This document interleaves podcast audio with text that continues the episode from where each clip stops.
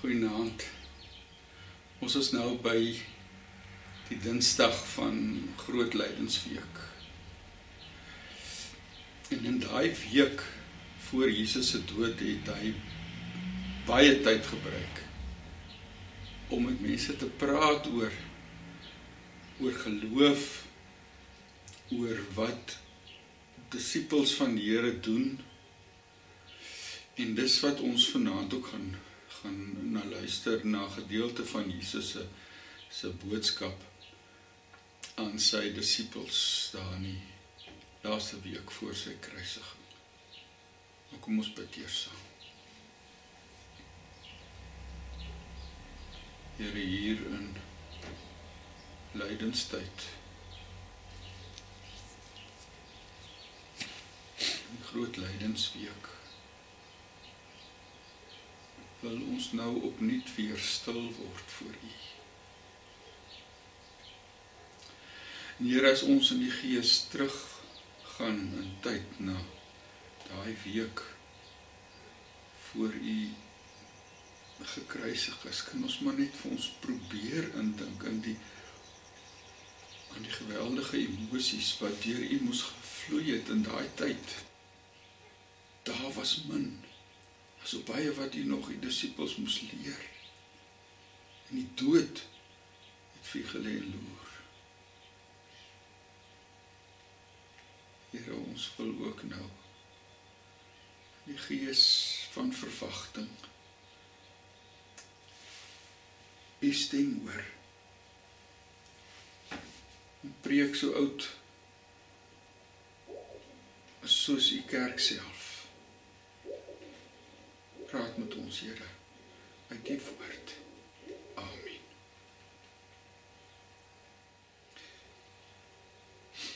Ek wil vanaand lees uit die boek Matteus, Evangelie van Matteus hoofstuk 23, die eerste 11 versies. Toe het Jesus die menigte en sy disippels toegespreek en gesê: "Die skrifgeleerdes en die fariseërs het die gesag om die wet van Moses te vertolk. Julle moet alles doen en onderhou wat hulle vir julle sê, maar hulle voorbeeld moet julle nie navolg nie, want hulle doen self nie wat hulle sê nie. Hulle bind swaar en ondraaglike laste saam en sit dit op die mense se skouers, maar self wil hulle nie 'n vinger verroer om dit te dra nie. Alles wat hulle doen, doen hulle net om deur mense gesien te word. Hulle maak die gebedsband om hulle voorkop breed en die tossels aan hulle klere groot.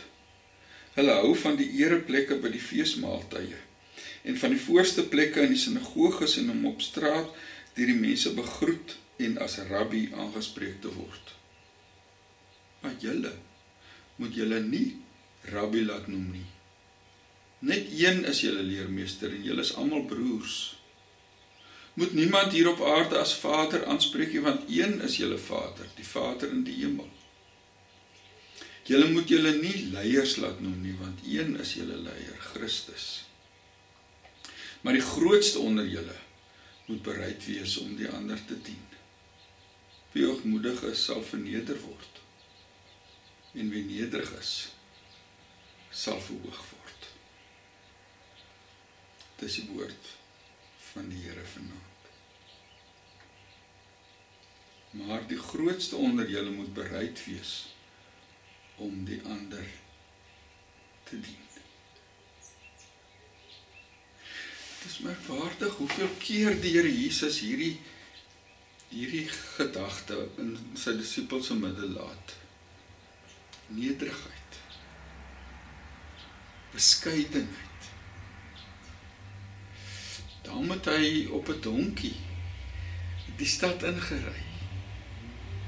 En preek hy nou vir sy disippels en sê julle moet nederig wees. Die geestelike leiers van sy tyd was nie nederig nie. Hulle het gehou daarvan om belangrik voor te kom. Vernaam deur die dorp geloop of deur die stad geloop sodat almal na hulle kan opkyk, vir hulle kan rabbi noem en met respek na hulle luister. En dan sê die Here Respek word nie afgedwing deur 'n houding wat jy inneem nie. Ons verdien respek deur ons diensbaarheid.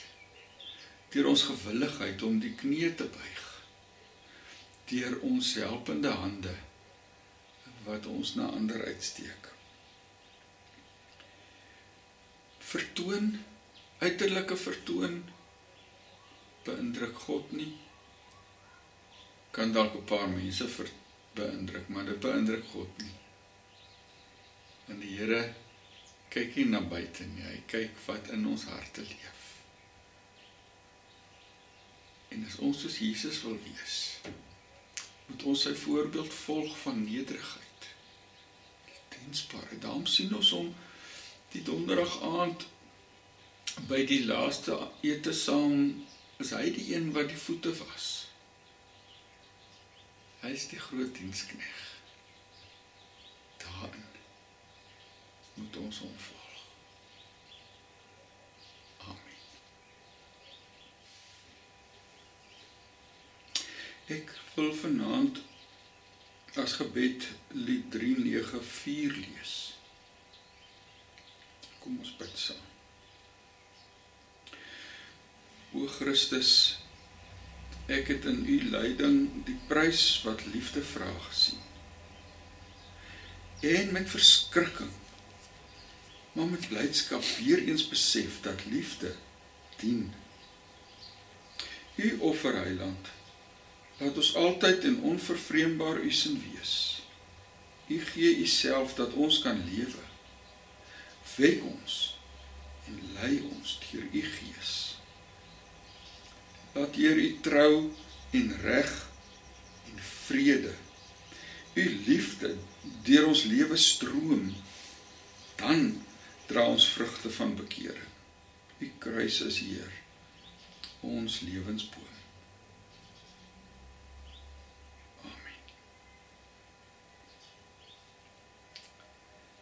die Here by jou wees mag hy jou hoe langer hoe meer beskeie en nederig maak soos ons Here Jesus.